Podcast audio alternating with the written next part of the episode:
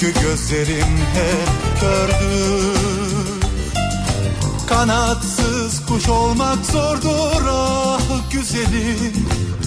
Denize varmayan ırmak. Gör beni gör beni gör gel gözüm ol gör beni. Sar beni sar beni sar gökyüzüm ol. Uç beni uç beni uç yavru uç beni. Geç beni geç beni geç. Kanadım ol Bırak uyusun şu deniz. Kanatlarımın altında Gel. Gezmelere gidelim biz. Bulutların asfaltında Hiç yaşamamışız gibi olacak sonunda Ben. Kendi yoluma gideceğim. Güneş kendi yoluna beni gör gel gözüm ol gör beni. Sar beni sar beni sar gökyüzüm ol Uç beni uç beni uç yavru kuş ol, uç beni.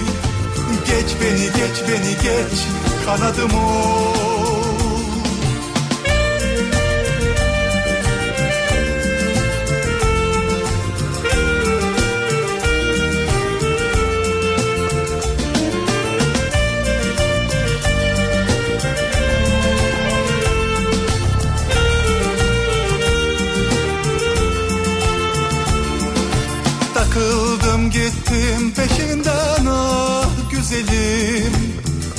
gemiydi benim sevdiğim. Yelkeninde bir beyaz gül ah güzelim Dumanında sevda sözleri. Gör beni gör beni gör gel gözüm ol gör beni. Sar beni sar beni sar gökyüzüm ol. beni uç beni uç yavru ol, uç beni. Geç beni geç beni geç kanadım ol Bırak uyusun şu deniz kanatlarımın altında. Gel gezmelere gidelim biz bulutların asfaltında. Hiç yaşamamışız gibi olacak sonunda. Ben kendi yoluma gideceğim. Güneş kendi yoluna Gör beni gör beni gör. Gel gözüm ol gör beni. Sar beni sar beni sar gökyüzüm ol. Uç beni uç beni uç. Yavru kuş ol, uç beni. Geç beni geç beni geç. Kanadım ol Gör beni gör beni gör. Gel gözüm ol gör beni Sar beni sar beni sar gökyüzüm Türkiye'nin en kafa radyosundan, kafa radyodan hepinize günaydın. Yeni günün sabahındayız. Günlerden gör beni gör beni Perşembe tarih 14 Mayıs Sisler içinde bir İstanbul sabahındayız. Bugün İstanbul'da dünkü hava sıcaklığı düşüşünün ardından bugün yeniden yükselmeye başlıyor sıcaklık. Hatta öylesine yükseliyor ki hafta sonu meteorolojinin ve valiliğin acil durum uyarısı bile var. Birazdan onu da aktaracağım. Aradaki sıcaklık değişine, e, değişikliğine de bağlı olarak yoğun bir sis durumu var özellikle Boğaz hattında.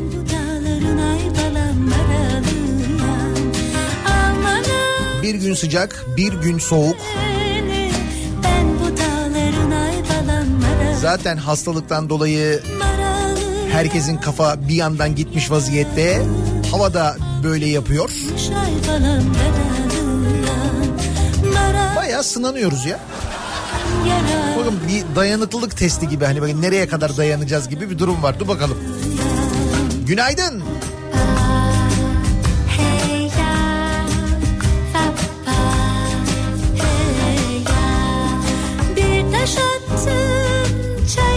Düştü Çaydan bir çift ay balam sona uçtu Bir taş attım çaya düştü Bir çift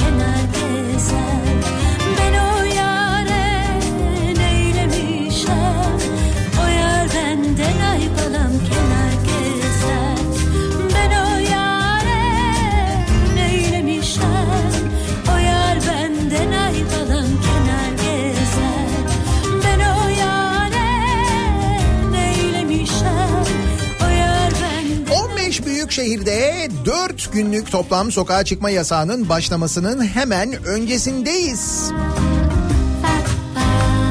Yarından sonra cumartesi gününden başlayarak 18 ve 19 Mayıs'ı da içine alan bir 4 günlük sokağa çıkma yasağı 15 şehirde uygulanacak bu kez. Bütün Türkiye'de değil yani. Ee, 18 Mayıs'la ilgili de kamu kurum çalışanlarının idari izinli sayılmasıyla alakalı bir yazı e, yayınlanmış. Kamu çalışanları 18 Mayıs'ta idari izinli sayılacaklarmış. Bu böyle içimi delip geçti. Cumhurbaşkanlığı İdari İşler Başkanlığı tarafından yayınlanmış kamu kurum ve kuruluşlarına bu yazı gönderilmiş. 18 Mayıs 2020 pazartesi günü kamu kurum ve kuruluşlarındaki bütün çalışanların idari izinli sayılmaları. Söyle ne çıkardın telaşlarımdan. Dolayısıyla 19 Mayıs resmi tatil arada 18 Mayıs var. İşte o 18 Mayıs'ın birleştirilmesiyle ilgili böyle bir durum söz konusu. Ama zaten 15 kent ki biliyoruz o kentleri Ankara, Balıkesir, Bursa, Eskişehir, Gaziantep, İstanbul, İzmir, Kayseri, Kocaeli, Konya, Manisa, Sakarya, Samsun ve Van ve Zonguldak. Toplam 15 şehir sokağa çıkma yasağı uygulanacak şehirler bunlar.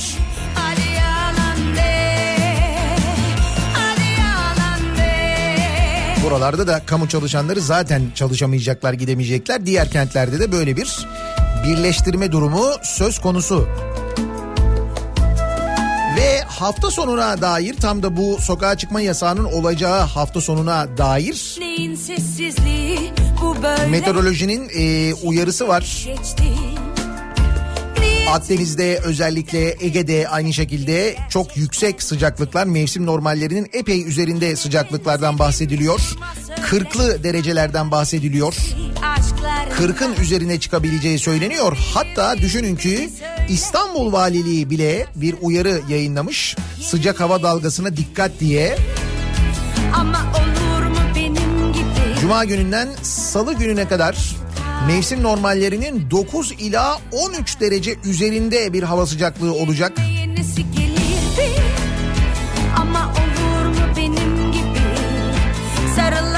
Bu nedenle dikkatli olunmalı diye bir uyarıda bulunuluyor.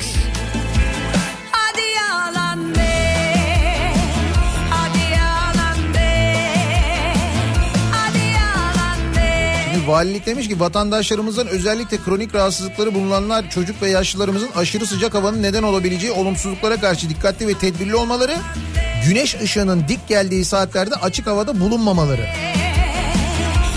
Zaten bulunamıyoruz.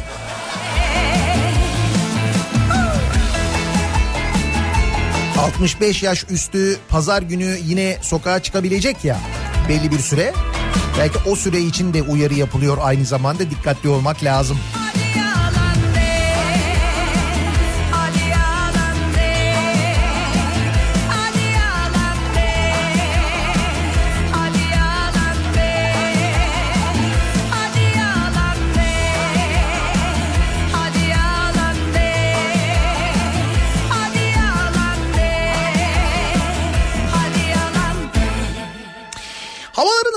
Başlamasıyla birlikte haliyle klimalar kullanılmaya başlanacak.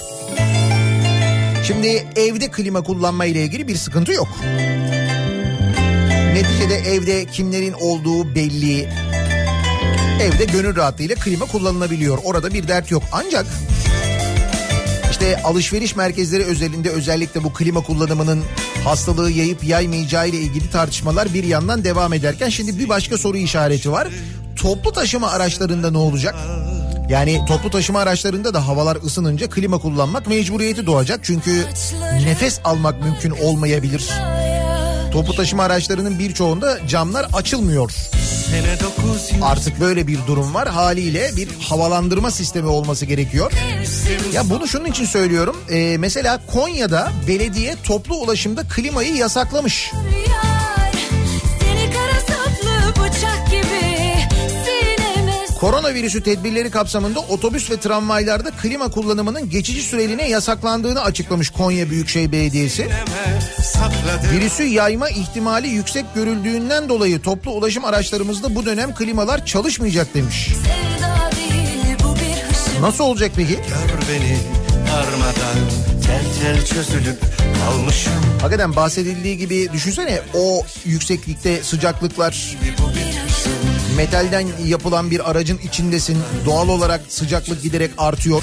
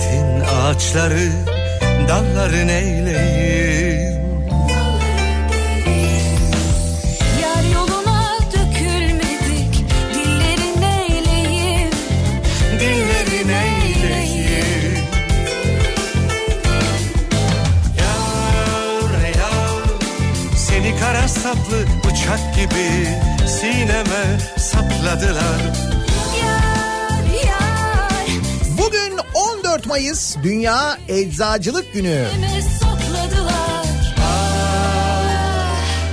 Bugünlerde e, hastalığın başladığı günlerden beri öncesinde de elbette öyle ama tıpkı diğer tüm sağlık çalışanları gibi hakikaten de büyük tehlikeye karşı canlarını da ortaya koyarak çalışıyorlar eczacılar. Gör O şekilde çalıştıkları yetmiyormuş gibi bir de bütün dertlerinin sıkıntıların üzerine maske problemini de ekledik. O işi de e, onların başına tebelleş ettik. Ne güzel yaptık.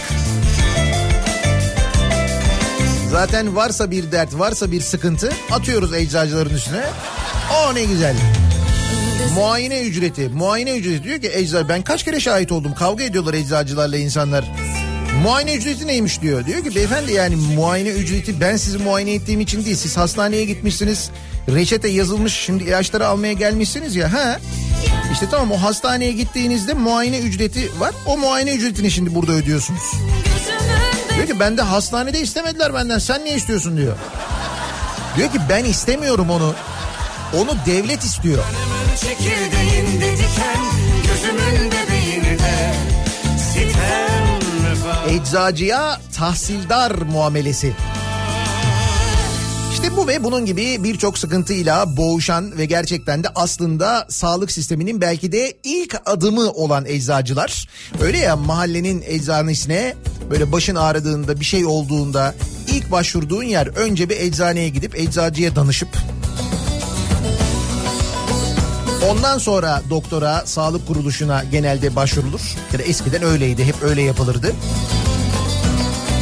O nedenle çok kıymetlidir eczacılar. Dünya Eczacılık Günü'nü kutluyoruz tüm eczacıların. Bir de giderek daha da kıymeti anlaşılan benim tahminim önümüzdeki yıllarda çok ama çok daha kıymetli hale gelecek. Çiftçilikle ilgili Dünya Çiftçiler Günü bugün aynı zamanda 14 Mayıs'ın böyle bir özelliği de var. Bakmayın aslında biz paramız var ithal ediyoruz yani başka ülkelerdeki çiftçileri ekseriyette ihya etmeyi tercih ediyoruz. Öyle ya şimdi Guatemala'da adam kavun üretiyor mesela. Üretiyor, satıyor. Bize satıyor hem de. Biz kavunu Guatemala'dan getiriyoruz. Nikaragua'dan getiriyoruz falan. Öyle yerlerden kavun getiriyoruz değil mi? Çinli çiftçiyi bayağı destekliyoruz. Sarımsak konusunda mesela değil mi? Bizim patatesler burada çürürken Mısır'dan patates getiriyoruz, soğan getiriyoruz. Dünya Çiftçiler Günü'nde bizim çiftçimizin pek böyle kutlanası bir durumu yokmuş gibi duruyor. Neyse ki konuyla ilgili Tarım Bakanı'nın çok güzel projeleri var. Taraftar patatesi falan gibi. Hakikaten bak dün mesela limon üreticisinden konuşuyorduk değil mi? İsyan ediyordu limon üreticisi. İspanyollar bize e, gülüyorlar. Rezil limonlarını kaç paralara sattılar bizde ihracat yasağı geldiği için diye. sana Onlar isyan ediyorlardı. Neredeyse her gün bir başka ürünün üreticisinin isyanına şahit oluyoruz. Şikayetlerine şahit oluyoruz bir yandan. O nedenle çok emin değilim. Kutluyor muyuz? Yoksa kutlanası günleri çiftçiler için umut mu ediyoruz? Terk edip gittin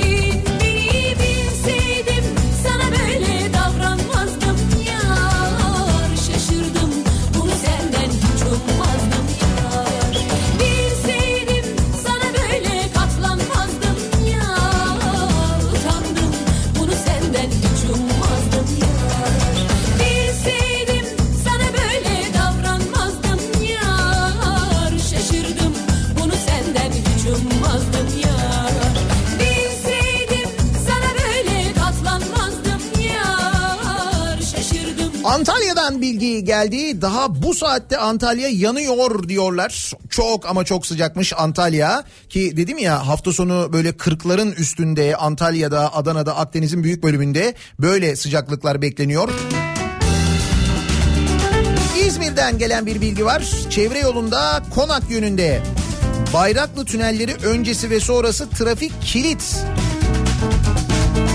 Hayırdır olağanüstü bir durum vardı mı kilit acaba ne oluyor?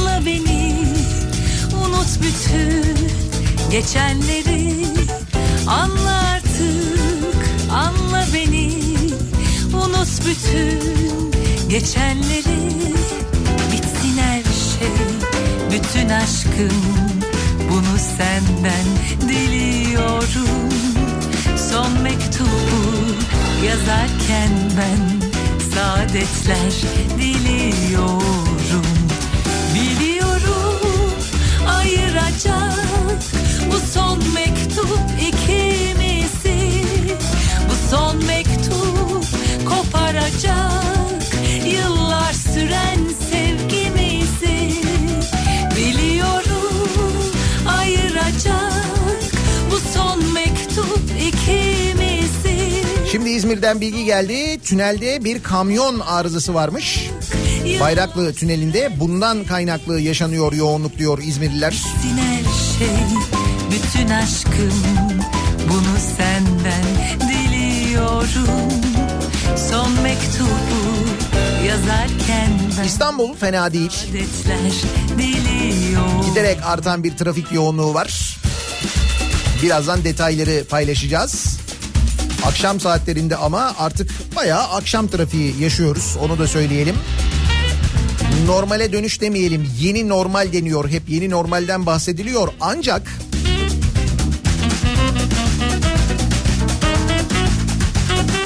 dünyanın birçok ülkesinde bizdeki gibi benzer durumlar yaşanıyor. İşte alışveriş merkezlerinin açılması, normal hayata dönüş adımları ve buna bağlı olarak sokaklara çıkan kalabalıklar maalesef o sosyal mesafe uyarılarına ve diğer bahsedilen uyarılara uymadıkları için hastalıkta yeniden artış görülüyor. Bir ikinci dalganın kaçınılmaz hale geldiği yorumları yapılıyor. Birçok ülkede böyle. Şimdi Türkiye'de de uzmanlar uyarıyorlar. Aynı şey bizde de yaşanmasın diye ama ne olacak hep beraber göreceğiz. Fakat genel izlenim ben bakıyorum etrafımda da herkes aynı şeyi söylüyor. Bayağı diyorlar insanlar normal hastalık yokmuş gibi dışarıdalar. Dükkanlarda durumlar öyle. Hiç öyle sosyal mesafe falan yok. Güller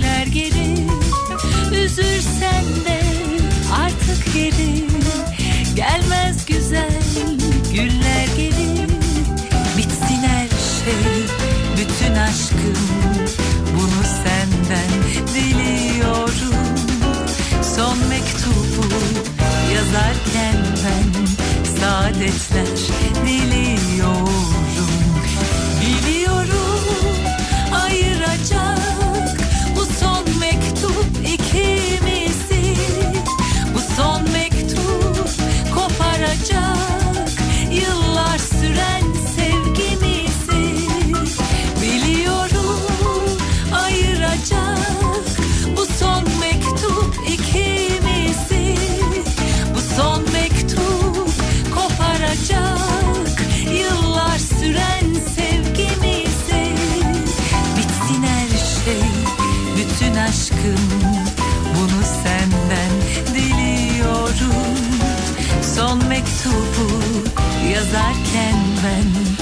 saadetler diliyorum Perşembe gününün sabahındayız. Yeni güne birlikte başlıyoruz. Diliyorum Ve hemen dönüyoruz. Trafikle ilgili son duruma şöyle bir bakıyoruz. Göz atıyoruz.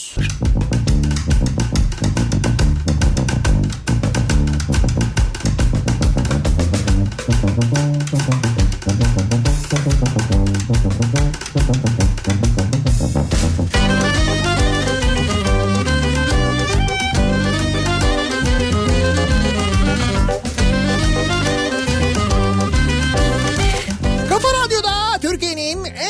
radyosunda devam ediyor. Daiki'nin sunduğu Nihat'la muhabbet. Ben Nihat Sırdar'la. Perşembe gününün sabahındayız. Tarih 14 Mayıs. Aniden zıplayarak yaza geçiyoruz gibi bir hava bizleri bekliyor bugünden itibaren. Ki şimdiden mesajlar geliyor İzmir fena sıcak Antalya yanıyor diye. Biz de yarın yanıyoruz yarın başlıyoruz. Bugünden bir ön hazırlık. Ama meteorolojinin böyle uyarı vereceği kadar ciddi bir sıcaklıktan bahsediyoruz. Aman dikkat.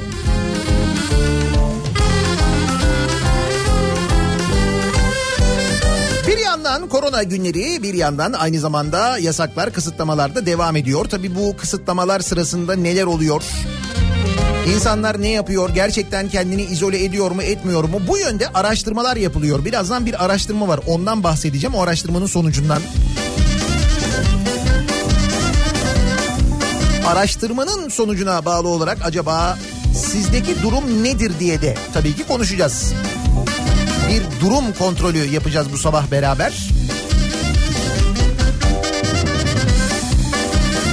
Özellikle kahvelerin kapanması, kıraathanelerin kapanması Türk halkının en kırmızı çizgilerinden bir tanesi olan okey oynamanın hastalık sebebiyle pek mümkün olmaması beraberinde enteresan haberleri getiriyor. Günlerdir konuşuyoruz. Çeşitli baskınlar düzenleniyor. Özellikle İstanbul'dan, Esencilis'tan sürekli benzer haberler geliyor biliyorsunuz. Bu kez e, Tokat'ın Zile ilçesinden gelen bir haber var. Tokat'ın Zile ilçesinde kumar oynandığı ileri sürülen adrese polis ekipleri tarafından bu arada kumar şimdi her şey artık kumar oluyor. Ben bakıyorum önce kumar oynandığı deniyor. E, görüntüler var. Okey oynuyorlar. İşte okey oynanıyor. Ne bileyim ben kağıt oynanıyor. Belli o da ya batak oynuyorlar ya ona benzer bir şey oynuyorlar. Neyse bunların hepsi artık kumar olarak değerlendiriliyor. Yani kahvehanelerde eskiden ne oynanıyorsa o oyunlar aslında. Polis ekipleri baskın yapıyorlar Zile'deki bu yere. Yapılan baskından kaçmaya çalışan bir kişi ikinci kattan atlayınca ayağını kırmış. Geçen tünel vardı mesela. Zaman geçtikçe farkındaysanız yeni mekanlar, o mekanlardan kaçmak için yeni sistemler, bunlar geliştiriliyor falan böyle. İş giderek gelişiyor. Bu konuda da uzmanlaşacağız. Fiziksel mesafeye uymamaktan 24 kişiye 105 bin lira para cezası kesilmiş. Kimi darda kimi de Şimdiye kadar ne gördük? Mesela depo gördük. Depoda e, oynanıyordu oyun. Burası e, bir konutmuş mesela burada oynanıyor. Gündüz tercih olan akşam yine böyle oyun oynanan bir yer gördük. Adana'daydı yanlış hatırlamıyorsam. Bekle bekle bekle bekle Bakalım daha ne kadar yaratıcı çözümler bulmaya çalışacağız kendimizce. merhaba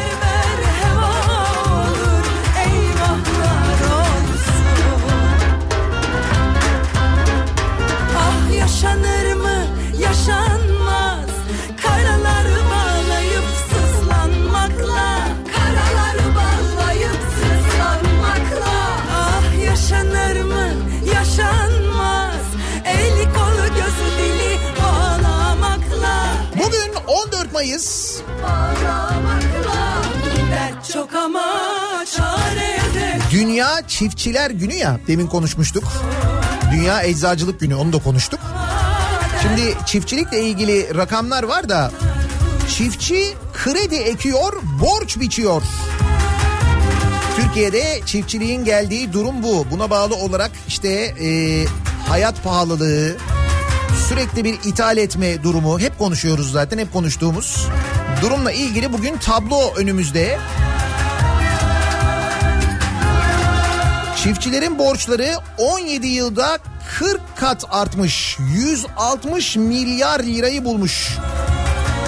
Çok değil 20-25 yıl öncesine kadar e, tarımda kendi kendine yeten Türkiye yanlış tarım politikaları yüzünden adeta battı. Saman ithal eder hale geldi ki evet saman ithal ediyoruz. Çiftçinin derdi büyük. Parası olmadığı için tohumu, gübreyi, mazotu krediyle alıyor. Yani tarlayı krediyle ekiyor. Hasat zamanı geldiğinde ise ürünü para etmiyor. Borç faizle katlanıyor. Çiftçi saç baş yoluyor. İyi de biz çok zengin bir ülke değil miyiz ya? Mesela kaynaklarımızı neden e, bu yönde kullanmıyoruz? Üretim yönünde çiftçinin üretmesi için kullanmıyoruz. Ah Ne yapıyoruz mesela bu paraları? Nerelere harcıyoruz? Ben size kısaca anlatayım nerelere harcadığımızı. Şimdi yeni taze örnekler de var, taze bilgiler de var. Bak mesela bir belediye seçim şarkısı için hazırlı ay, harcamış parayı. Seçim şarkısı için belediye. Şimdi belediye nasıl seçim şarkısı yaptırabilir? Bir aday için yaptıramaz değil mi? Hani seçimler daha güvenli geçsin diye bir seçim şarkısı yaptıran bir belediye gördünüz mü? Öyle bir şey de yok.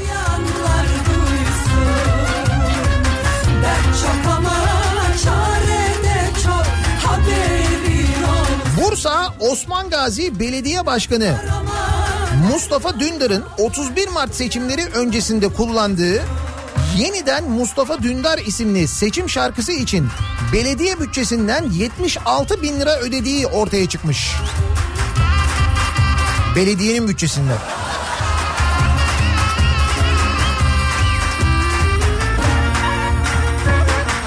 Nasıl bir şarkıymış acaba?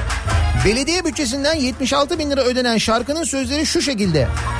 Yeniden Mustafa Dündar, yeniden Mustafa Dündar. Halkını severse kişi gönülle yapar her işi. Sürdürecek yükselişi yeniden Mustafa Dündar. Haydi kenetlensin kollar, gönülden gönüle yol var. Baş koydu bu kutlu yola yeniden Mustafa Dündar. Bu mu 76 bin lira?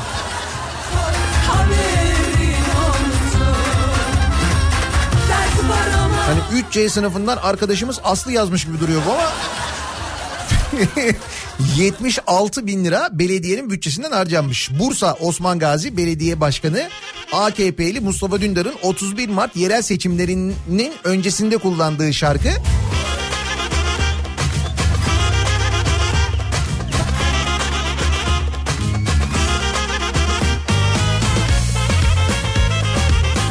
Bu harcamanın yasal olup olmadığı ile ilgili tartışma tabii ki yasal değil yani. Kendi se- seçim şarkısı için belediye bütçesinden para harcanır mı? Harcanmaz. Bu arada 76.700 liraymış pardon. Herhalde 76 bin beste içindir 700 o söz bölümü içindir diye düşünüyorum ben. Orası 700 lira olur çünkü yani.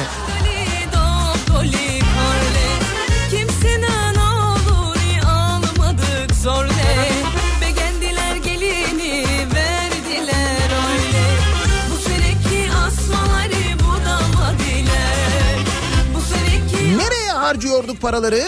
Mesela çiftçiye destek olmuyoruz da parayı nereye harcıyoruz? Madem Dünya Çiftçiler Günü'ndeyiz değil mi? Ramazan yayınlarına 500 bin lira. Diyanet İşleri Başkanlığı Diyanet TV'de yayınlanan ve Ahmet Hamdi Akseki Camii'nde gerçekleştirilen iftar ve sahur canlı yayın programları için 500 bin lira harcamış. Diyanet İşleri 500 bin lira. Ayrıca Diyanet İşleri Başkanlığı ve Ahmet Hamdi Akseki Camii'nin bahçelerinin 9 aylık bakımı için de 203 bin lira ödenmiş. Bu Diyanet'in önündeki cami değil mi? Ankaralılar VIP cami diyorlar buraya. Orası değil mi burası? Bahçe bakımı için 203 bin lira harcanmış ve Diyanet İşleri Başkanlığı'nın bahçesi için. Ramazan programı için de 500 bin lira. Diyanet İşleri Başkanlığı 28 Nisan tarihinde 2020 yılı Ankara Ahmet Hamdi Akseki Camii'nde gerçekleştirilecek iftar ve sahur canlı yayın programı hizmet alım işi başlığıyla ihale düzenlemiş. İhaleye tek başına katılan Son Yapım Medya Prodüksiyon Hizmetleri Şirketi 6 Mayıs tarihinde Diyanet'le sözleşme imzalamış 493 bin liraya. Son yapım. Manidar. Son yapım. Orada son artık yani bu bundan daha ilerisi.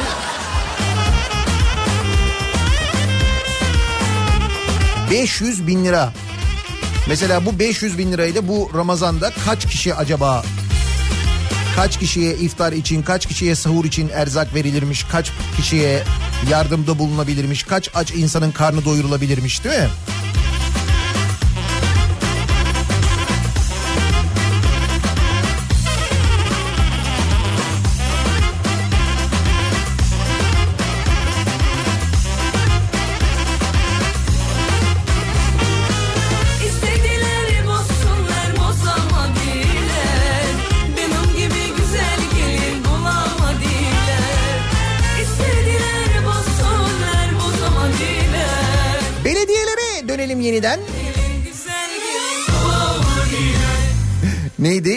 Mustafa Dündar mıydı?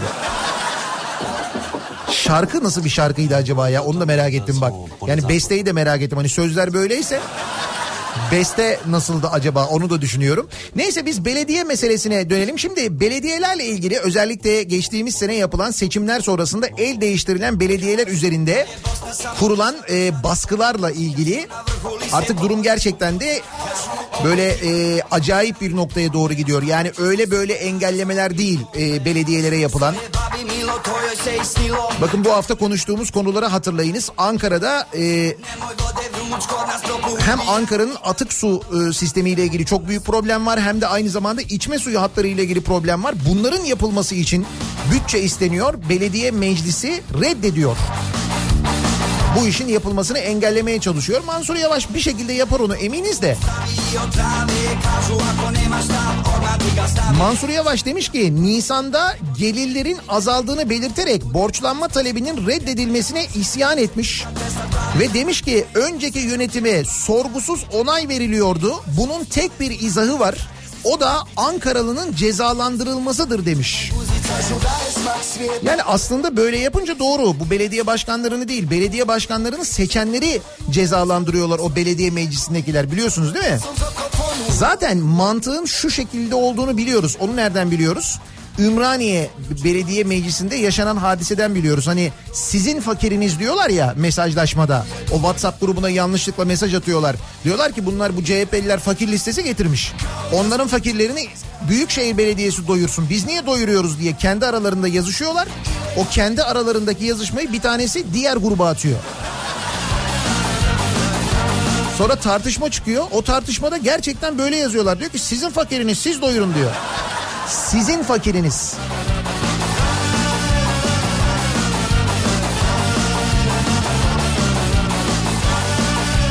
Ve İstanbul'da olan biten mesela İmamoğlu hakkında Beylikdüzü dönemine ilişkin 27 soruşturma başlatılmış. Ve bu soruşturmayı yürüten müfettiş AKP milletvekili adayıymış Arif Yıldırım. Milletvekili adayı. Mesela bunu öğreniyoruz. Dün Burdur Belediyesi ile ilgili konuşmuştuk hatırladınız mı? Burdur Belediyesi'nin üretip ücretsiz dağıttığı 200 bin maske için şikayet üzerine valilik inceleme başlatmış.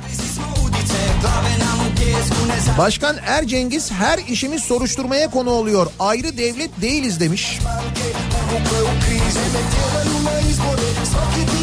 Şimdi bunlar e, CHP'li belediyelerin başına gelenler. CHP'li olmayan belediyeler var. Oralarda ne oluyor? Bakın oralarda da şu oluyor. 76 bin liraya şarkı yaptırılıyor mesela. E, Zonguldak'ta ne olmuş? Zonguldak Belediye Başkanı Selim Alan kendisi ve diğer AKP'lilerin aleyhinde haber yapan yerel medyaya zabıta göndererek ruhsat denetimi yaptırmış. Nasıl belediyeler 10 numara gidiyor değil mi? Süper.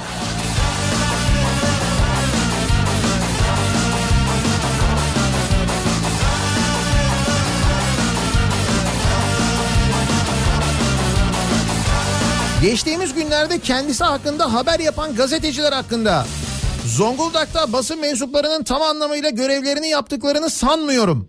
Tabii ki siyaset yapıyoruz, eleştiriye açığız. Ama hakaret, iftira, yalan haber yapan varsa bana göre sarın basın kartı da varsa yırtıp atsın. Demek ki kendisi gazetecilikten de anlıyor. Ay eski gazeteci herhalde. Biliyorsa demek ki işi. Bu kadar kesin konuşuyor. Alan kendisi AKP'li ilçe belediye başkanları ve milletvekilleri hakkında haber yapan yerel medya gruplarına zabıta göndererek ruhsat denetimi yaptırmış. Göre birini bulabilirsin hatta keyfine göre unutabilirsin. Gazetecilik örgütleri de e, bu duruma tepki göstermişler. Hem Zonguldak'ta hem de Karadeniz'deki gazeteci örgütleri de tepki göstermişler bu duruma. Canım siz de öğrenin belediye başkanından işinizi. Nasıl yapacağınızı değil mi?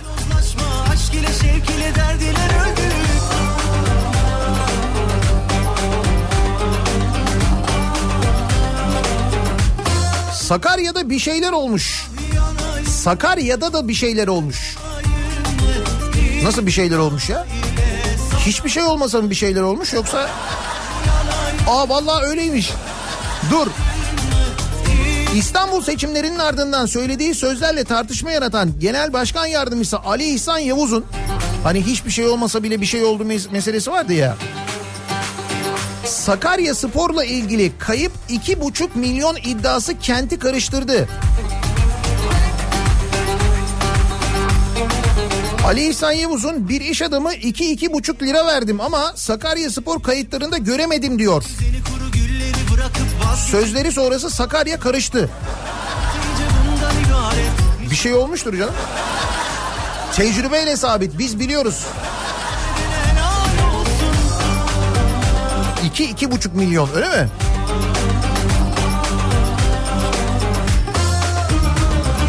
ah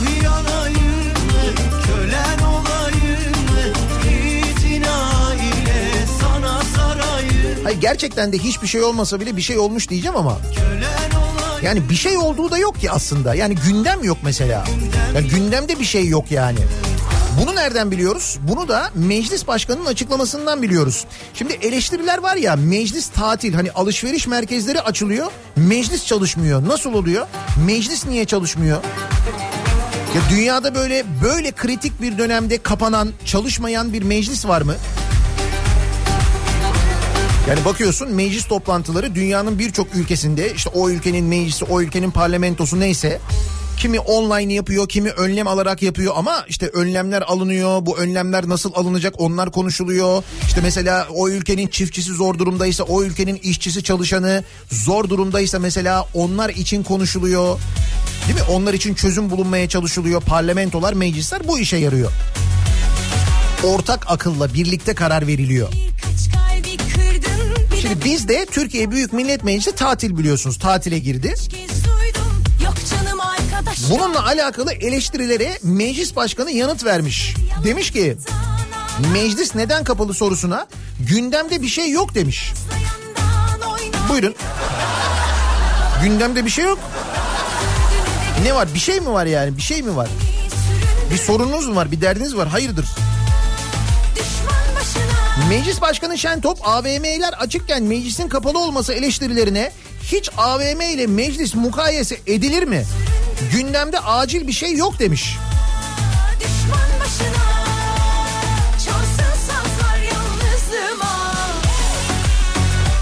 Bir şey yok yani. Bir dünya çapında salgın var.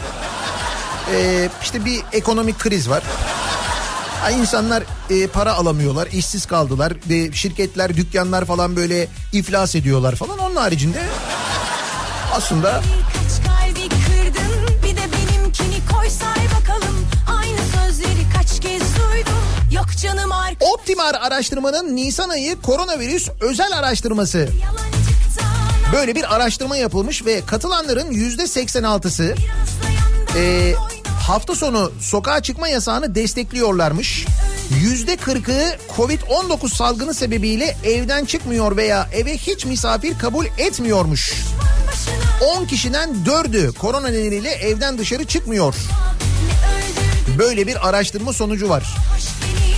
Türkiye'deki durumun bu olduğu bu araştırmadan anlaşılıyor. yalnızlığıma Biz de sizin son durumunuzun ne olduğunu merak ediyoruz. Bu sabah soruyoruz. Bir durum kontrolü yapıyoruz. Böyle acil bir durum var mı? Acil bir şey var mı? Mesela e, mecliste acil bir şey yok yani.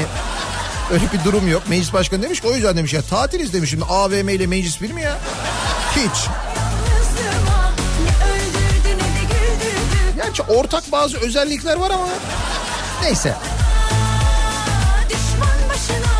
Son durumum bu sabahın konusunun başlığı. Bakalım sizin gündeminizde böyle bir acil durum var mı? Son durum ne acaba? Bunları bizimle paylaşmanızı istiyoruz. Ee, sosyal medya üzerinden yazıp gönderebilirsiniz. Twitter'da konu başlığımız son durumum buradan yazıp gönderebilirsiniz mesajlarınızı. Facebook adresimiz Nihat Sırdar fanlar ve canlar sayfası nihatetnihatsırdar.com elektronik posta adresimiz bir de WhatsApp hattımız var 0532 172 52 32 0532 172 kafa buradan da yazabilirsiniz mesajlarınızı. Bakalım sizdeki son durum ne? Reklamlardan sonra yeniden buradayız. Geliyor. kaçın kaçın zamlar geliyor.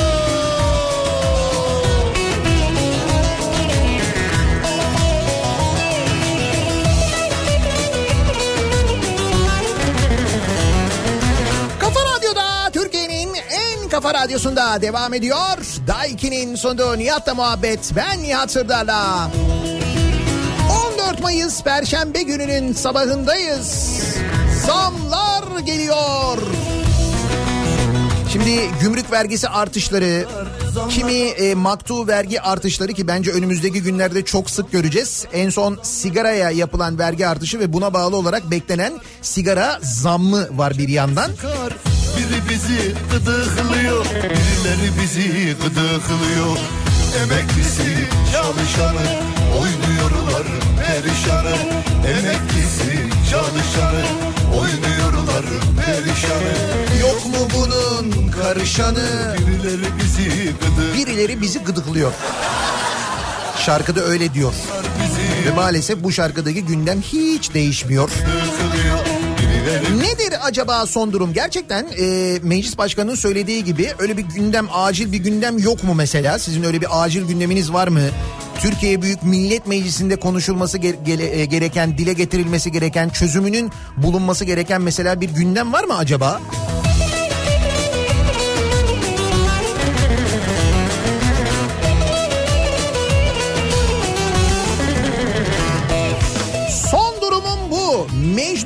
Mecnun Leyla'yı, Kerem Aslı'yı, Yılmaz Vural Fenerbahçe'yi benim berber Ali Usta'yı özlediğim kadar özlememiştir. Berberlerine, kuaförlerine kavuşanlar. pişman Bir mutlular, bir mutlular. oldu. Kuru soğan sorsan pişman yeni doğan. Kaçıp gider bizi soyan. Biri bizi gıdıklıyor, birileri bizi gıdıklıyor. Emeklisi, çalışanı oynuyorlar. Son durumum. Fakirdim, son durumum daha da fakirim. Ülke ekonomisini Kendilerine çiftlik edinenlerin marifetleri bitmiyor. Yok mu bunun Ne olmuş? karışanı birileri bizi gıdı kılıyor 8.4 milyar doları alıp gittiler. Kim aldı gitti ya? Yabancılar Türk varlıklardan hızla çıktı. 4 ayda 2.9 milyar doları hisse senetlerinden 5.5 milyar doları da tahvillerden toplam 8.4 milyar dolarlık yabancı sermaye çıkışı olmuş. Tahvillerde yabancı payı %5.7'ye düştü. Niye gidiyorlar acaba? Hayır bizde öyle bir acil durum yok bir şey yok. Niye gidiyorlar ben? Hakikaten anlamadım. Normal koşullarda değil mi? Gitmemeleri lazım. Bak biz bakıyoruz bizde böyle bir sıkıntı yok. Acil bir durum yok. Acil bir gündem yok. Son durumum evden çalışıyorum. Market dışında dışarı çıkmıyorum. Sokakların boş olduğu saatlerde bazen maske ile yürüyüş yapıyorum. Doydun mu acılara gel o zaman yanıma Ne bekliyorsun Son durumum şudur ki biz Alanya olarak her şeyi atlattık. Sosyal mesafeden soysal mesafeye geçtik. Önlemler tavsadı. Bak şimdi mesela Türkiye'nin birçok yerinden buna benzer bilgiler geliyor. Önlemlerin gevşetildiği yönünde gelen bilgiler var.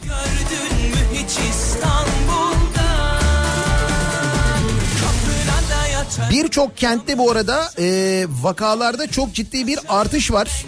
Normalleşme açıklamaları sonrasında tedbirlerin gevşetilmesiyle birlikte Batman, Kars, Uşak, Düzce, Antep, Van, Adıyaman, Rize ve Zonguldak gibi çok sayıda kentte vaka sayıları korkutucu boyuda, boyutta artmış. Batman'da 3 Nisan'da 9 olan vaka sayısı bu hafta 450'ye yükselmiş. Uşak'ta 2 Nisan'da 38 olarak kayıtlara geçen vaka sayısı 441'i bulmuş. Van'da hasta sayısı 2 kat artarken Rize'de de durum farklı değil.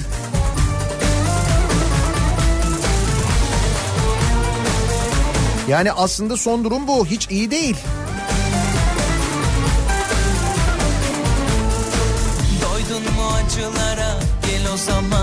Çok şükür ki akıl sağlığım 12 Haziran'da maçlar başlasın diyenler kadar bozulmadı henüz. Son durumum bu.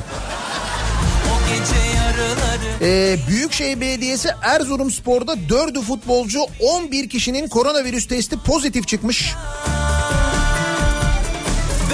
Ama biz başlatacağız değil mi? O konuda şeyiz yani kararlıyız. Camına taş atarım Alırım kaçarım ben seni yaşatırım Seni yüzen olursa orayı dağıtırım Yanına bir daha yaklaşanı yak Son durumum stabil diyor mesela bir dinleyicimiz. atarım Son durumum koronavirüsten önce 78 kiloydum an itibariyle 83. Boş ver bu sene nasıl olsa plaj yok aman.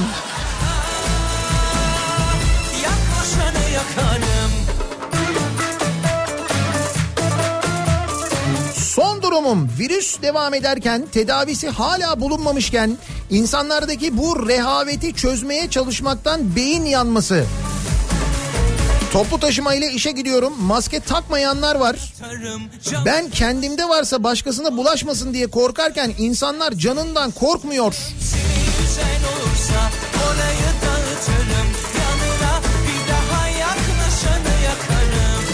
Son durumum iç güveysinden hallice. Gaziantep'te vaka sayısı iki katına çıkmış. Daha nasıl olsun? İbrahim göndermiş. Mesela Gaziantep'te de durum böyle mi?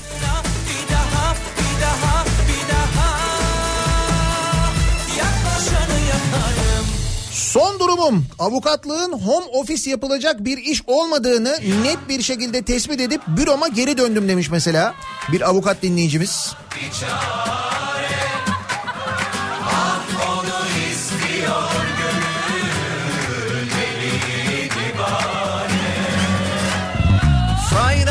nasihatler ne söylesem boşuna Son durumum Taksim'de yolcu bekliyorum diyor Ahmet. Bir saattir akşama kadar en az 4-5 iş alıyoruz. Nasıl dönecek bu çark bilmiyoruz. Taksici bir dinleyicimiz göndermiş. Valla talihsizliğiniz şu seçim dönemi olsaydı acayip böyle destek olurdu bir şey olurdu falan ama şimdi seçim de yok ya. Beni kurtar Allah'ım daha çok tutulmadan Gözlerim ışıklarında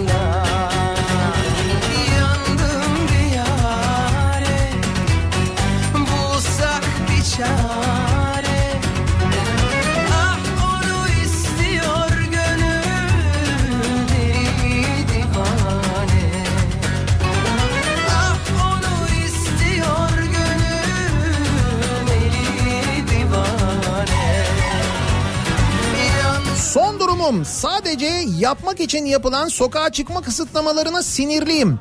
Şirket olarak 18 Mayıs'ta çalışıyoruz. 24 Nisan'da da çalışmıştık. Sokağa çıkma kısıtlaması yapıyorlar ama kaymakamlık isteyen her şirkete izin veriyor. Ne iş yapıyorsunuz acaba? Acil bir iş mi yani? Son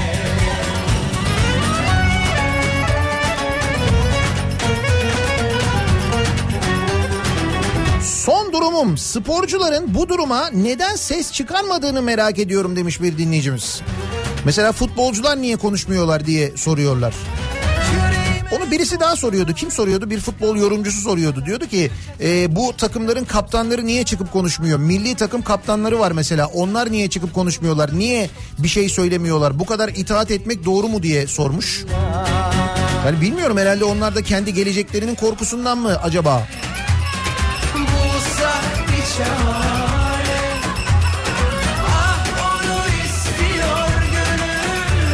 Son durumum işe yürüyerek gidiyorum geliyorum. Ee, hanım çoluk çocuk evde hiç çıkmıyorlar kurallara uyuyoruz.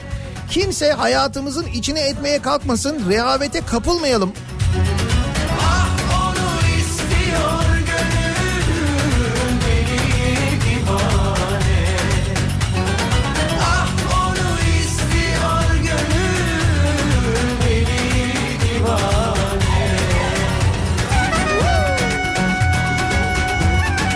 Son durumum gülmeyi, coşkulu olmayı unuttuk ve çok yorgunum. Psikolojik durumlarımızla ilgili de gerçekten sıkıntı var belli. Umutsuzluğumun içinde gördüğüm rüyalarla umutlanmak son durumum bu. Sabah kalkıyorum bütün rüya tabirlerini okuyorum sonra diyorlar insanlar.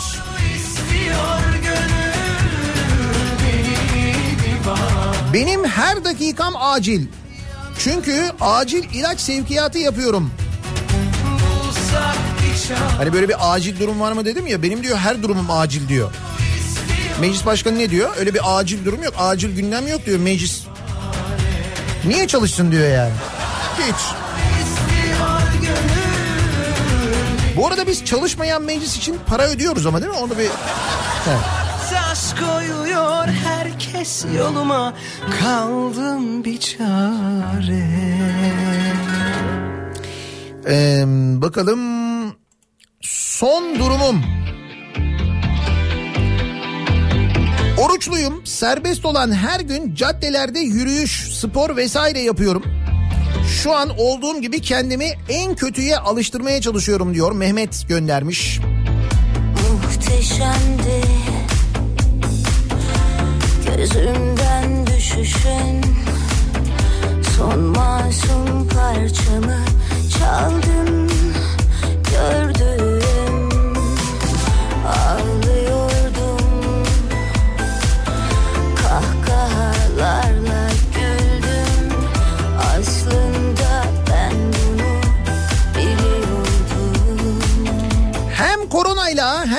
radyasyonla mücadele eden nükleer tıp teknikerlerinin son durumu hala aynı. Biz 6 aydır meslek tanımımızın yapılmasını ve kadrolarda yer almayı bekliyoruz. Özel şirketlerde yüksek radyasyona rağmen asgari ücretle uzun mesailer yapıyoruz ama öyle acil bir şey yok. Bir 10 yıl daha bekleyebiliriz. Acil değilmiş bu ya. Nükleer yani. Ne kadar acil olabilir?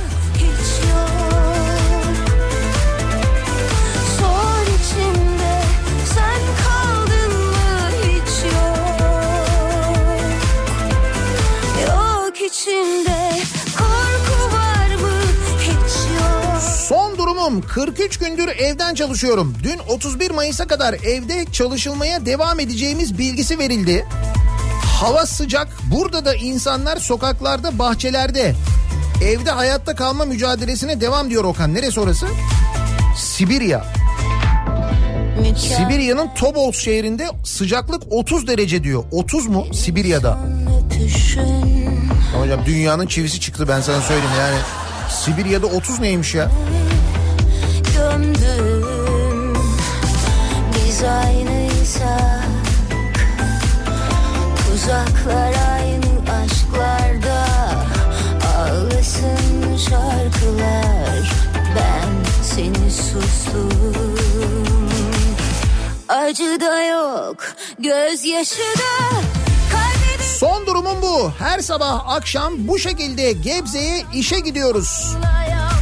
Baya böyle uzun bir kuyruk, bir trafik kontrolü var. Daha ilk kontrole gelemedik. Evet İstanbul-İzmit arasındaki trafik çilesi sürüyor sabahları ve akşamları. Son durumum bu. Domates toplamaya devam. Tarladan bir fotoğraf göndermiş. içimde Antalya'dan çiftçi Sedat. Çiftçiler günümüz kutlu olsun diyor. Yok içimde korku var mı hiç yok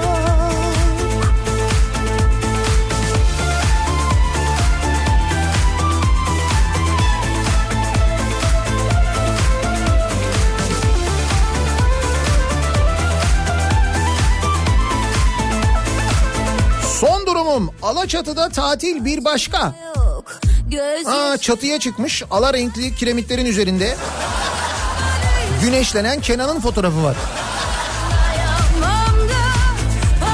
E doğru Alaçatı mı? Evet Alaçatı yani.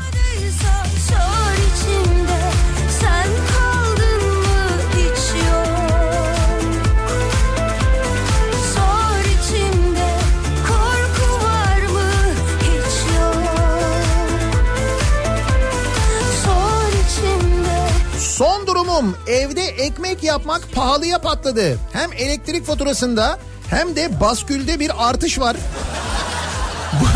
Bu- yüzden evde ekmek yapmaya son verdim. Yürüyüşe başladım tekrar diyor Derya. E tabi o kadar fotoğraflar, o kadar o işte şöyle ekmek yaptım, bununla ekmek yaptım, şununla ekmek yaptım falan. Bunların bir sonucu olacaktı. Hiçbir şey olmasa bile bir şey olacaktı. Nitekim oldu.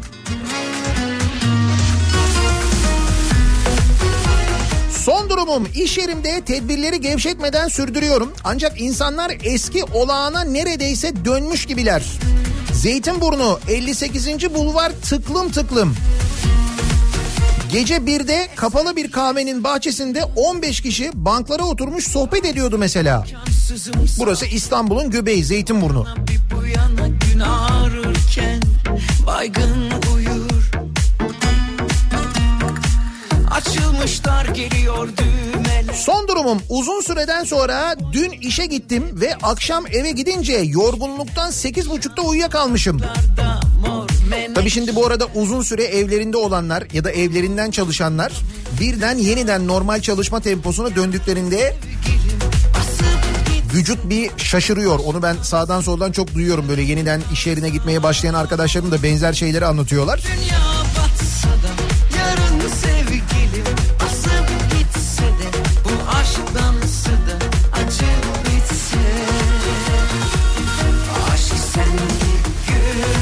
Tehdit edenler, fetvaları, sapkınlar, darbe söylemleri ve bunlara tepkisiz savcılar.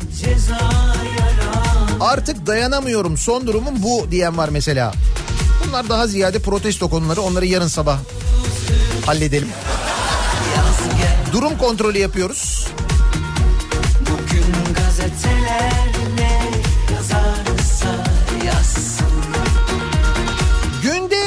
3 gidiş 3 geliş otobüsle git gel yapmak zorundayım. İnsanlar rahatlasa bile ben rahatlamam. En küçük boş verirsem insanlarla kafa kafaya kalıyorum. Bir de dezenfektana çok para verdik. Bende önlemler en az bir sene devam diyor Ozan. Son durumum bu. Biraz çakır keyif Güneş yetmemiş bir de ay çarpmış Biri durdursun şu dönen deli evleri Hepsi şaşmış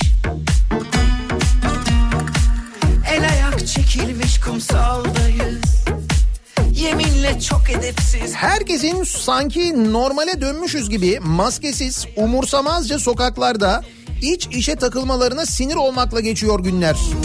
Meğer bir biz evdeymişiz. Öyle düşünmeyin ee, işte bu en son yapılan araştırmada 10 kişiden 4'ü neredeyse hiç evinden çıkmadığını söylüyor. Bu rakamlar daha yüksekti aslında. Ama işte şu normalleşme işte rakamlar falan bunlardan dolayı böyle o hiç çıkmayanların bir bölümü ufak ufak çıkmaya başladı. Öyle olunca durum bu işte. Aşk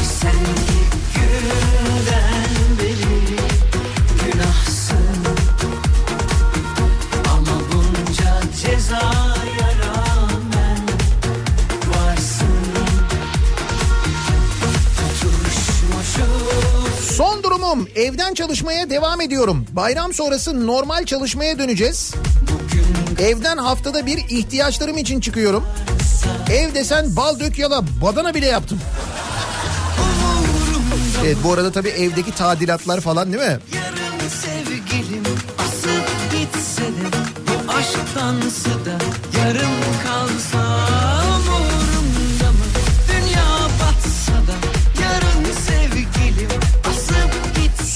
durumumuz şöyle. Türkiye'de yazılan cezaların yarısı Gaziantep'te yazılmış. Yine de vatandaş akıllanmıyor maalesef. Az önce Gaziantep'ten yazan bir dinleyicimiz vardı ya e, diyordu hani vaka sayısı iki katına çıktı diye. Bakın e, Gaziantep'le ilgili Davut Gül yazmış. Kim bu? Gaziantep valisi. Diyor ki Türkiye'de toplam yazılan cezanın yarısını Gaziantep'te yazdık. Sizlere büyük iş düşüyor. Bu paraları öderken çok büyük sıkıntı çekeceksiniz. Lütfen çevremizdeki insanları uyaralım demiş. Bunu Gaziantep valisi söylüyor. Düşünce aşka kurusun tabiatım yaklaştığında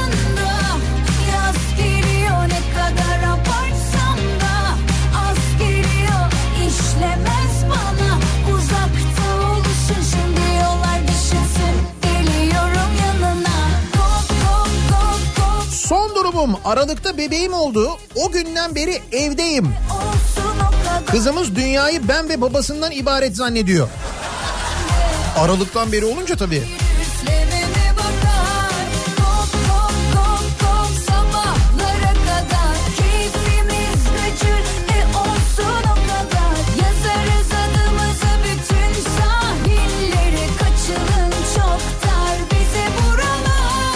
Son durumum Uşak'ta rekor seviyeye gelen koronavirüs vakaları yüzünden. Sağlık Bakanlığı ve İçişleri Bakanlığı sokağa çıkma yasağı ilan etmek istiyormuş ancak onay bekliyorlarmış. Yeni sistemimiz bu. Kapına getiriyorum çok tutar bu film E başrolde yine adım Yok çok belirgin bir gevşeme var. Bakın Anadolu'dan gelen haberler, rakamlar gerçekten çok acayip rakamlar. Tabiatım yaklaştığında Yaz geliyor ne kadar abartsam da Az geliyor işlemez Son durumum 12-6 çalışıyoruz. Hala kısa çalışma ödeneği bekliyoruz. Devlet yardımı kriterleri uymuyor. Hadi kredi verin dedik. Devlet bankaları red verdi. Maaşlar da kesintili geliyor.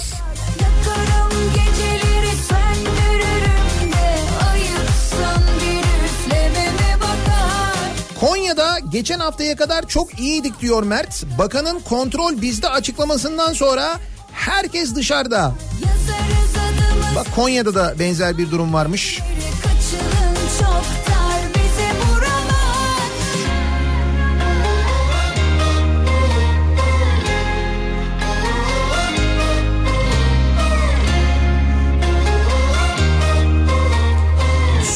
Durumum 6 Mart'tan beri evden çalışıyorum. Toplamda 3 defa çıktım market için. Yani balkoncuyuz anlayacağınız. Balkonlarımızı kullanıyoruz. Balkonlarımızı hatırladık. Oraları yeniden dekore ettik değil mi? Bir yaşam alanı haline geldi ve gelecek çünkü havalar giderek daha da çok ısınıyor. Sıfır temas, sıfır misafir diyor mesela Yavuz.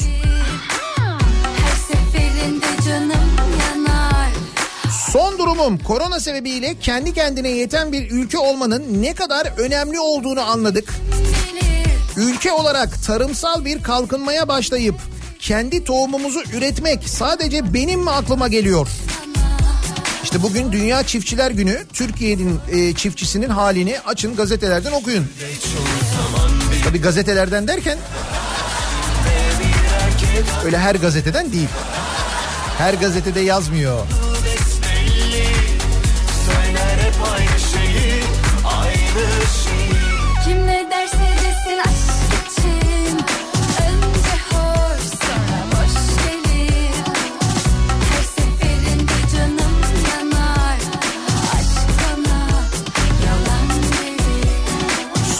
Durumum yaklaşık iki aydır karantinadayım. Home office çalışıyorum. Haftada bir ya da iki kere evin önündeki markete fırına ihtiyaçlarımı almak için çıkıyorum. Keyfi nedenlerle dışarı çıkanlara çok kızıyorum. Böyle bir şımarıklığa tahammül edemiyorum demiş. Bir dinleyicimiz mesela bu duyguyu yaşayan birçok insan var zannediyorum.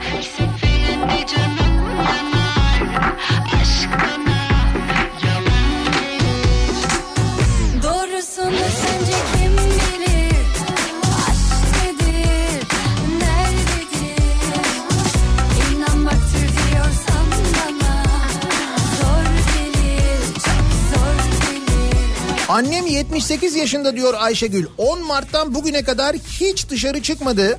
Balkonda yürüyüş yapıyor ve güneş alıyor. Güvenmiyorum sokağa diyor.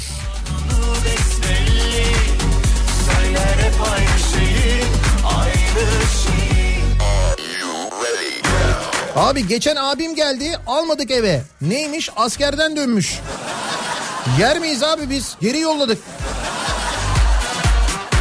O biraz sert bir önlem olmuş ama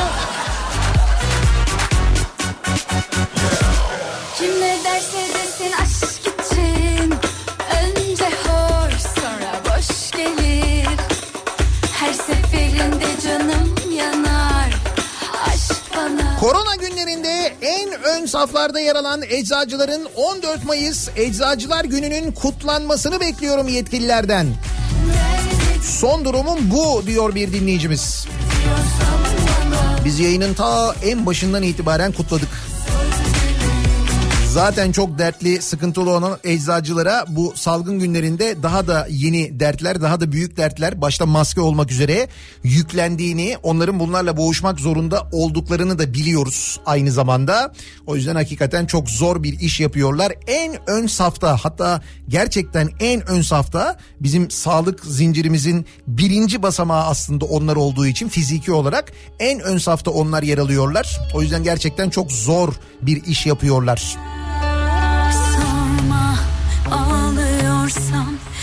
Şey Son durumum İzmir Manisa arasında seyahat engeli kalktı mı diye merak ediyorum. Sen Kalkmadı. Yollarda polis var ama 3 gündür kimse belgelere bakmıyor. Her iki yönde de durum aynı. Öyle mi? Suç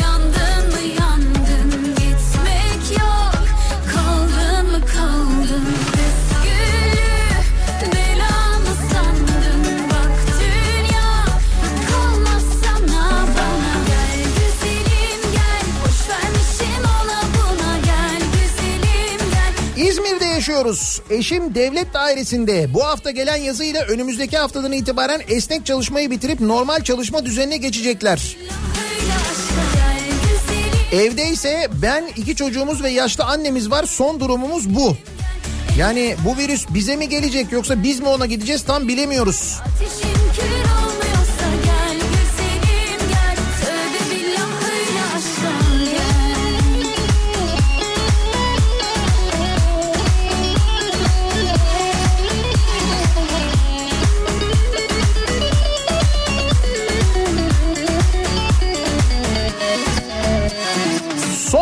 Durumum kendimi bağ bahçeye verdim. Şimdi böyle e, bahçe imkanı e, olanlar e, ekmeğe başlamışlar. Balkonlarında, saksılarda ufak ufak böyle tarıma başlayanlar var.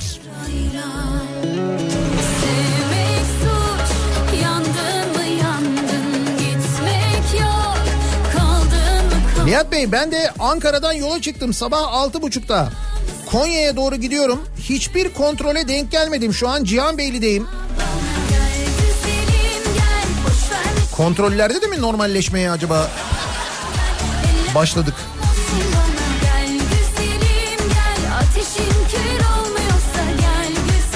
Son durumum şirketimiz zaten mümkün olduğunca evden çalışıyordu ama işe gelmek zorunda olanlardan sadece haftada bir kez gelen bir arkadaşımızın eşi korona pozitif çıkınca 15 gün için tamamen iş yerini kapattık. Maaşlar aynen devam edecek. Ben mi? Ben muhasebeci olarak geçici KDV, KDV, muhtasar mecbur ofise gidiyorum. Bugün mali müşavirime dosyaları götüreceğim. Muhasebecilere, mali müşavirlere durdurak yok tabii. Tabii onlar ne olursa olsun çalışacaklar. Acil çalışacaklar. Yangındayı kurtarılacaklar. Mühim.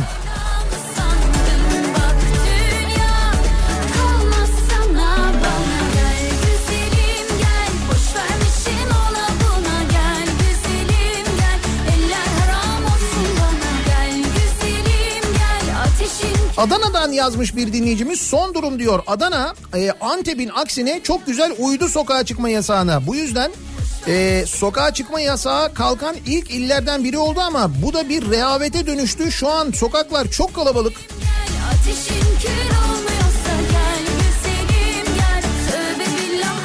Umalım da sonuç kötü olmasın değil mi?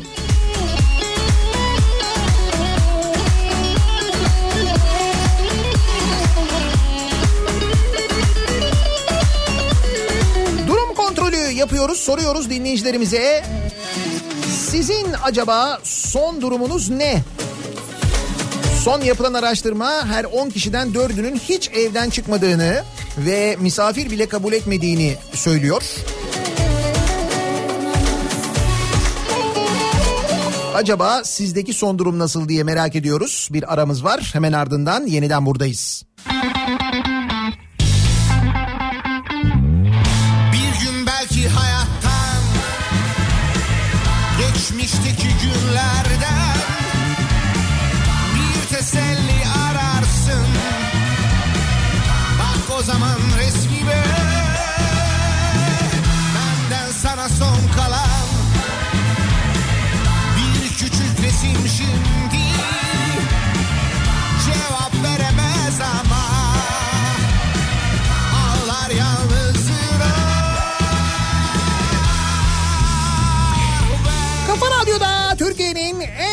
Radyosunda devam ediyor. Daiki'nin sonunda Nihat'la muhabbet. Ben Nihat Sırdar'la. Koyup da bir başıma 14 Mayıs Perşembe gününün sabahındayız. Bir gün belki hayatta Bugün Dünya Eczacılar Günü, Dünya Çiftçilik Günü aynı zamanda. Hem eczacıların hem çiftçilerin durumu memleketimizde ortada. Hani pek kutlanası bir durumları yok. Kutlayacağımız daha güzel günler olsun diye en azından temenni edebiliriz. Son durum ne acaba?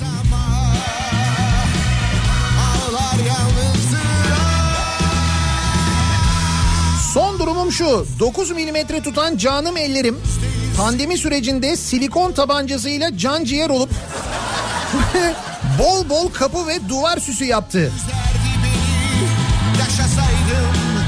Ve görseydim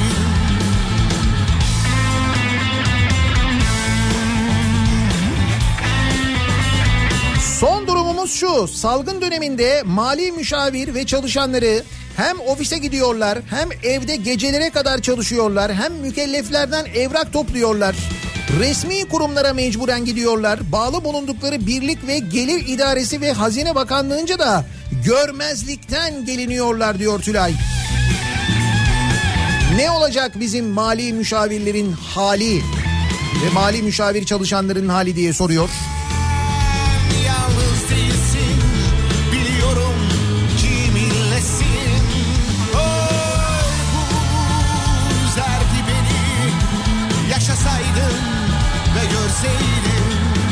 Bu arada Dünya Çiftçiler Günü'nde kendi evinde çiftçilik yapanları da ve bu işi bayağı ilerletenleri de kutluyorum. Ne fotoğraflar geliyor ya. Balkonlar coşmuş. Bak o zaman resmime Gör akan o yaşları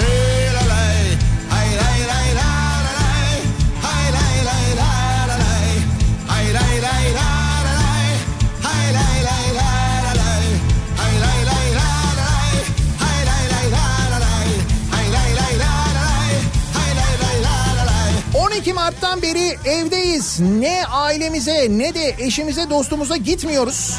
Onlar da bize gelmiyor. Eşim iş haricinde sadece alışveriş yapıyor. Diğer düşüncesizlerse eve girmediği için ne zaman çıkabileceğimizi de bilmiyoruz. Gücümüz tükeniyor. Son durumumuz bu demiş bir dinleyicimiz.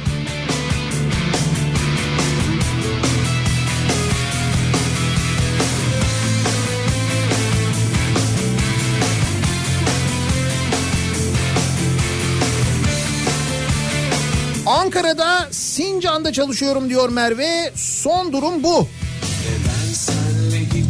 Baya böyle sokaklar bildiğin normal bir günmüş gibi kalabalık. Öyle bir sosyal mesafe falan durumu da yok. Görüntü o. Üstüme gelmene ne gerek var Neden dostça ve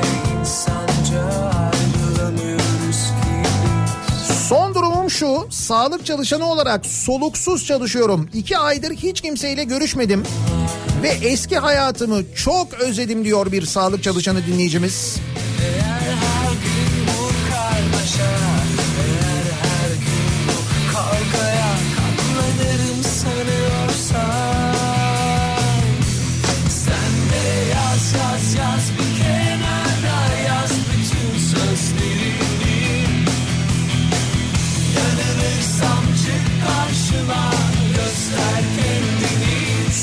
Durumum psikolojim bozuk.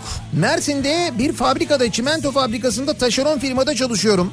İşimiz gereği bazen gece vakti tatil günleri bile çağırabiliyorlar. Müdürümüz bize e, oruç tutuyorsunuz Allah kabul etsin ama derken bana ne e, der gibiydi demiş mesela bir dinleyicimiz.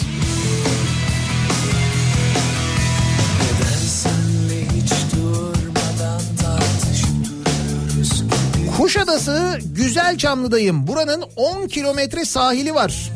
Kilometrede bir kişi yürüyor ama jandarma geliyor yasak diyor. Kuşadası ve Söke'deki AVM'de kilometrede 100 kişi var ama serbest. Şimdi ben de aklımı korumaya çalışıyorum. Son durumum bu diyor İsmail. Eğer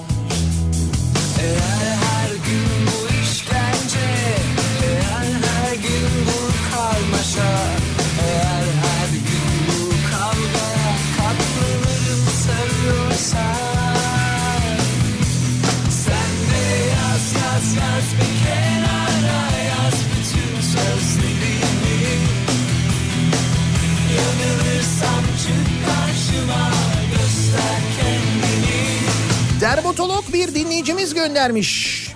Diyor ki polikliniğe gelen hasta sayılarında ciddi bir artış var. Sivilce, kepek ve benzeri bir sürü acil şikayet için insanlar hastaneye koşuyor. Kepek çok acil doğru bak. Üstelik bencillik de cabası. Dün bir hastanın elindeki eldiveni çıkartamadım. O eldivenle her yere dokunup topladığınız bütün enfeksiyonu yine her yere dağıtıyorsunuz dediğim halde bu açıklama ona hiç mantıklı gelmedi. Ama eldiven neticede ya. Çıkmaz eldiven yani. Yani o eldiveni de sıkça değiştirmemiz gerektiğini anlayamıyoruz değil mi?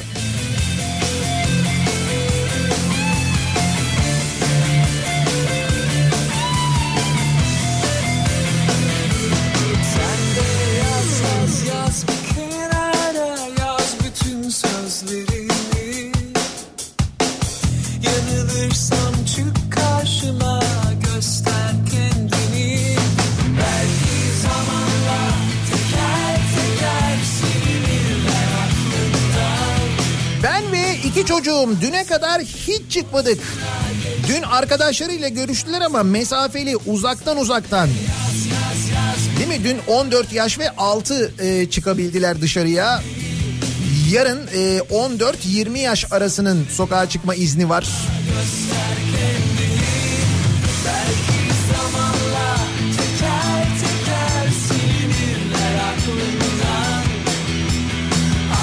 Burası Manisa. Son durumum son durumumuz şu. Bu fotoğraf anlık diye bir fotoğraf hata iki tane fotoğraf göndermiş dinleyicimiz. Manisa e, Magnezya Alışveriş Merkezi'nin önünde çekilmiş. Ne oluyorsa bunu yapan cahiller yüzünden oluyor. Atmayın şu maskeleri yere diye. Hakikaten de alışveriş merkezinin önünde yerlerde maskeler dolu sevgili dinleyiciler. Her tarafa maske atmışlar. Yani bu kadar cahil miyiz biz diye soruyor. Manisa'dan Hakan göndermiş. Görüntü gerçekten fena bir görüntü.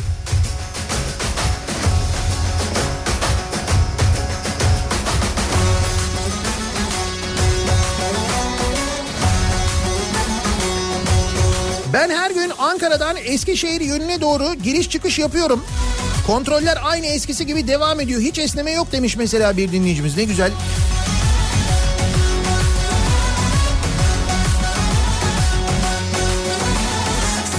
Ama mesela biri de diyor ki İstanbul Çorlu sabahları evrak ateş kontrolü iki haftadır yok neredeyse diye yazan biri var mesela. Her gün aynı terane of bıktım sandım Bir sürü yük altından kalk kalkabilirsen Sabırı taşım Son durumum paletten divan ve sehpa yaptım. Ha bir de tabii bu bahçe işlerini bitirince marangozluğa saranlar var. Öyle ya yapacak bir şey lazım can sıkıntısından. Paletlerden koltuk yapan var, sehpa yapan var. Bir daha güç verir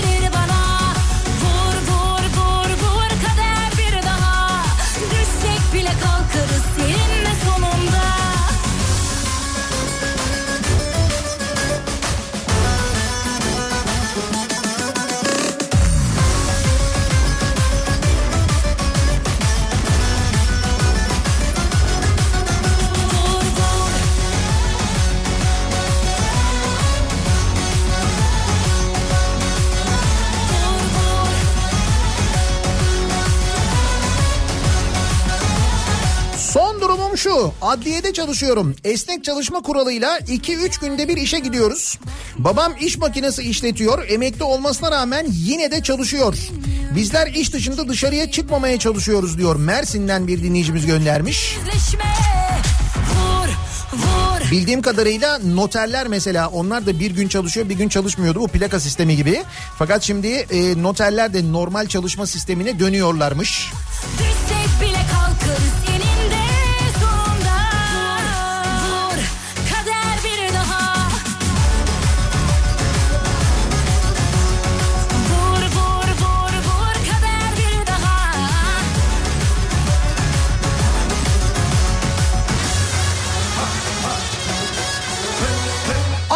yaşıyoruz. Sokağa çıkma yasağından ailece hiç etkilenmedik. Hobi bahçemiz var.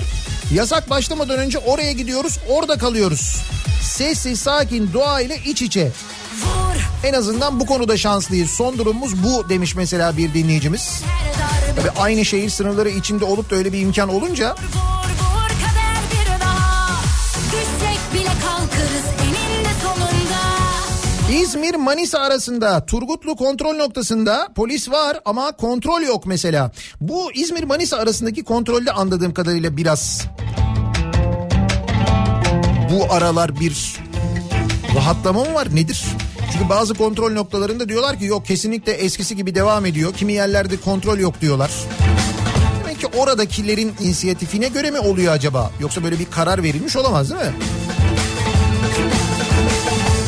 Aşkı bana extra large, bana extra large, bana extra large. Gaziantep'te zaruri olmayan iş yerleri sokağa çıkma yasağı demeden 7-24 çalışmaya devam ediyor. Valiyi de çıldırttılar artık. Paranın insan sağlığından daha önemli olduğu ama o patronların işine korkudan gelmediği günler Gaziantep'te yaşadığımız günler. Son durum bu diyor Serkan.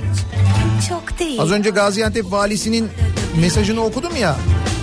Türkiye'deki toplam cezaların yarısını Gaziantep'te kestik diyor ya. Özledim. Şey. Bu arada şöyle bir bilgi var Gaziantep'le ilgili. Gaziantep Organize Sanayi Bölgesi'nde korona alarmı 49 işletmede vaka tespit edilmiş. Aşkı Gaziantep'te koronavirüs vakalarının artışında organize sanayi bölgesi başrolü oynadı. Ee, organize sanayide faaliyet gösteren firmalar arasında şu ana kadar 49 işletmede koronavirüs vakaları tespit edilirken OSB'deki toplam vaka sayısı 118. çok sevmek söylemeye yarar. Ama Gaziantep'te sokağa çıkma yasağı yok. Söyledim Yani genel bir yasak yok yani. Fakat böyle giderse vakalar böyle artarsa öyle önlemler alınacak ki valiler ve il sağlık kurulları pandemi kurulları böyle kararlar alabiliyor biliyorsun. Mesela Gaziantep'te 7 gün yani sürekli böyle sokağa çıkma yasağı ilan edebiliyor vali. Yani öyle denilmişti. Daha benim yaşım kaç? Onun aşkı bana extra large. Onun aşkı bana extra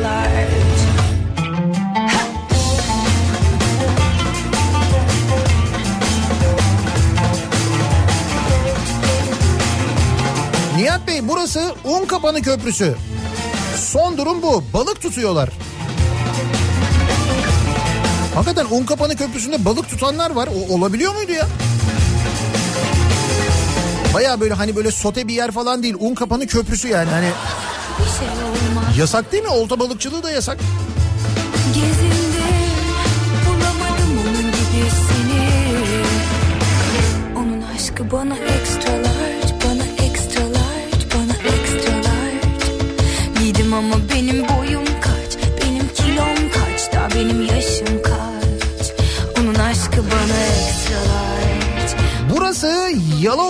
Kipa Alışveriş Merkezi'nin yanı. Her sabah bir grup aynı şekilde maske ve eldiven yok iç içeler. Muhtemelen çağrı merkezi çalışanı olabilirler. Servis beklerken bu durumdalar. Son durum burada bu. Evet belli bir gevşeme olduğu çok net bir şekilde anlaşılıyor.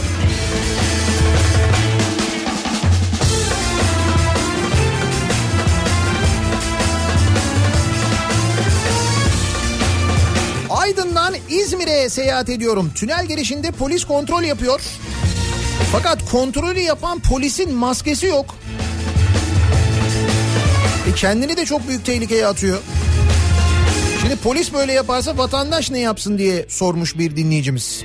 Acaba e, vermediler mi? Yani öyle bir mesela maske mi vermediler? Öyle bir şey mi oldu?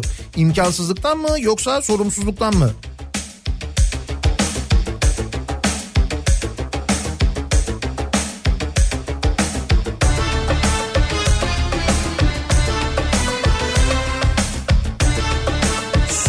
Durumum evde ahşaptan oyun parkı ürettim. Mühendisliği bırakmayı düşünüyorum. Vallahi bravo ya ne güzel yapmışsınız.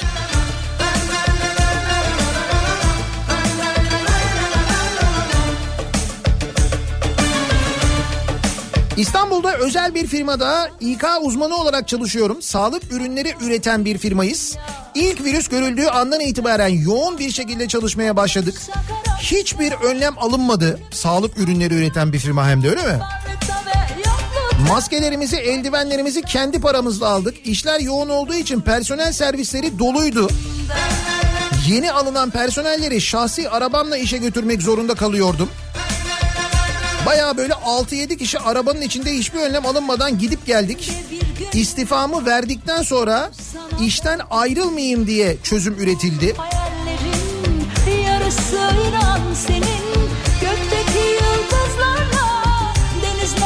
Burası neresi? Burası Bursa. Dün parklar, yollar her yer doluydu. Son durum bu. sana her şeyim.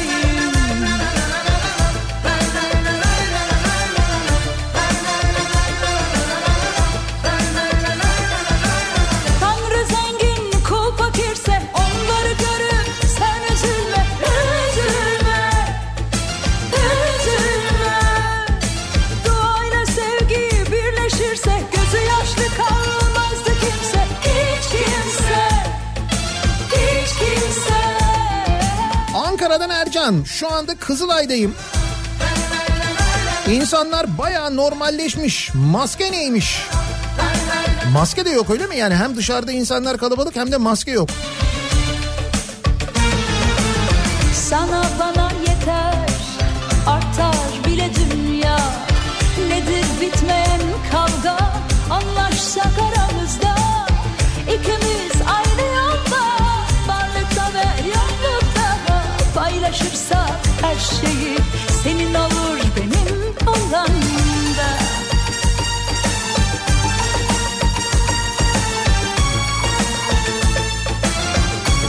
Nihat'cığım biz mali müşavirler ve çalışanlarımız daha çok çalışsın ve vergi tahakkuk ettirsinler diye sokağa çıkma kapsamı dışında bıraktırıldık. Bize virüs işlemez. E tabi çünkü siz kaynakla arada bağlantı sağlıyorsunuz. Yani ne kadar kaynak e, sağlanacağını, o kaynağın ne kadar akacağını siz belirliyorsunuz değil mi? O yüzden siz o sizin mümkün değil öyle hani izindi bilmem neydi yasaktı masaktı falan olmaz yani.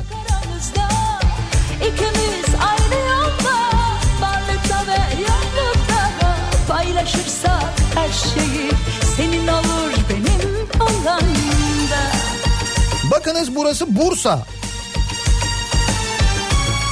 Evet bayağı kalabalık.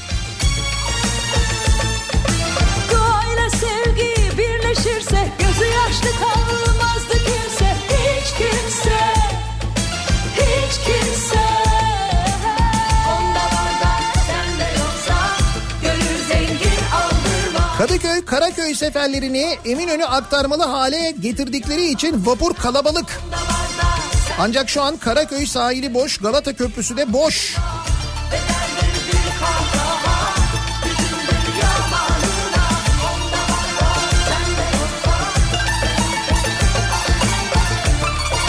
Türkiye'nin dört bir yanından gelen mesajlar maalesef bu normalleşme işinin biraz fazla abartıldığını, biraz fazla normalleştiğini bize gösteriyor. Umuyoruz önümüzdeki günler daha kötü rakamlar göstermez bize ama görüntü pek iç açıcı değil. Biz yayınımızın sonuna geliyoruz. Veda ediyoruz. Birazdan Kripto Odası başlayacak. Güçlü Mete Türkiye'nin ve dünyanın gündemini Kripto Odası'nda sizlere aktaracak. Akşam 18 haberlerinden sonra yeniden bu mikrofondayım. Ben tekrar görüşünceye dek güzel bir gün, sağlıklı bir gün geçirmenizi diliyorum. Hoşçakalın.